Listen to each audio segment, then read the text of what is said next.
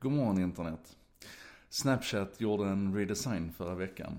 Och det är den vi ska prata om nu. Ni vet, Snapchat. Jag låter så gammal varje gång jag pratar om Snapchat. Men jag känner att jag måste förklara att det är den här tjänsten för snabbt försvinnande bilder och meddelande som, eh, som ungdomarna då älskar.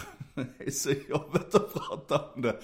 För att i ärlighetens namn, Snapchat och jag har aldrig riktigt blivit kompisar. Men i alla fall.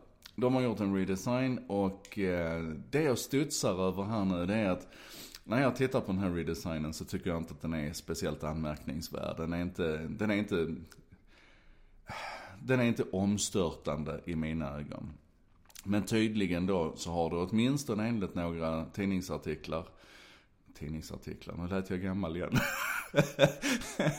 enligt ett antal webbartiklar så har det blivit uppror bland ungdomarna, bland den här hårda kärnan som, som använder Snapchat. Det pratas bland annat om en, en fejkad tweet som, som hävdade att om, ehm, om, om, om den här tweeten fick tillräckligt många retweets så skulle Snap gå tillbaka till den gamla designen av Snapchat istället.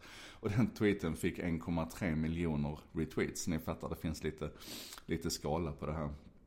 Eh, men samtidigt så är det ju naturligtvis anekdotiskt, det har inte gjorts någon ordentlig undersökning här nu. Utan man har bara tittat lite grann på vad som har hänt i, i Twitter-communityt runt Snapchat och, och hur det verkar ha pratats om det. Och den stora grejen är tydligen att en del då menar att den här omdesignen har gjort det så svårt att hitta rätt att man har förlorat sina streaks. Och ni vet streak det är ju det här när man snappar till någon eller man snappar mellan varandra eh, dagar i rad. Och, och, för varje dag du gör det här så upprätthåller du din streak. Och det finns ju då streaks på 100 och 200 och massor med dagar i rad. Och nu har man då tappat det för att man tyckte inte att man hittade rätt och kunde, kunde snappa.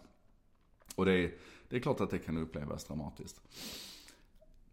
Så här, det är inte, det här handlar ju naturligtvis i grunden om en slags förändringsobenägenhet. För att utvecklarna bakom Snapchat är ju inte dumma i huvudet utan de har ju naturligtvis funderat jättemycket på den här redesignen och, och de gör den av goda grunder och, och jag tror inte alls att, att alla ungdomar där ute som, som är arga på den här redesignen egentligen begriper bättre än vad de gör som har, har skapat den. Men det, förändringsobenägenhet är intressant. För att jag kommer ihåg när jag jobbade i tidningsvärlden en gång i tiden. Och man gjorde en, en redesign av tidningen. Och så gick man ut och berättade att nu har vi gjort om det här och vi har gjort annat rubriktypsnitt. Och så här ska vi jobba med bilder och sånt. Och helt plötsligt så fick man alltså arga läsare som hävdade att de kunde inte läsa tidningen längre. För att man hade ändrat på brödtypsnittet också. Alltså det här eh, brödtexten och, och det hade man inte alls gjort. Men, men det finns någonting i oss alla människor tror jag som handlar om att vi initialt när vi stöter på en förändring så, så backar vi.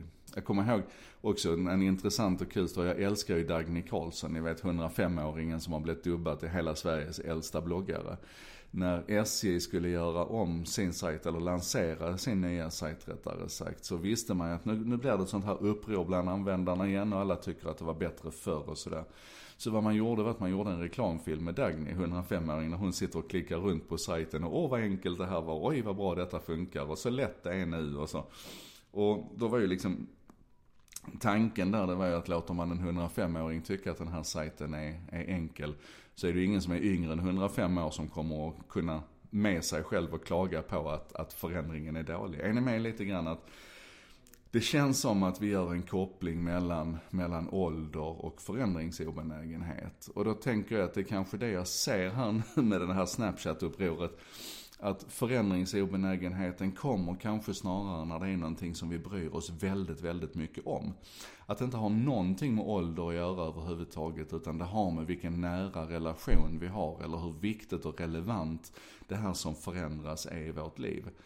Och då blir den initiala känslan den av att vi förlorar lite kontroll. Vi förlorar lite koll på, på läget. Vi känner oss lite handlingsförlamade. Så det är kanske egentligen inte en, en förändringsobenägenhet som sådan. Utan det är den här, det här suget vi känner i magen när marken försvinner lite grann under fötterna på oss. Och det känner vi ju bara när någonting är riktigt, riktigt viktigt.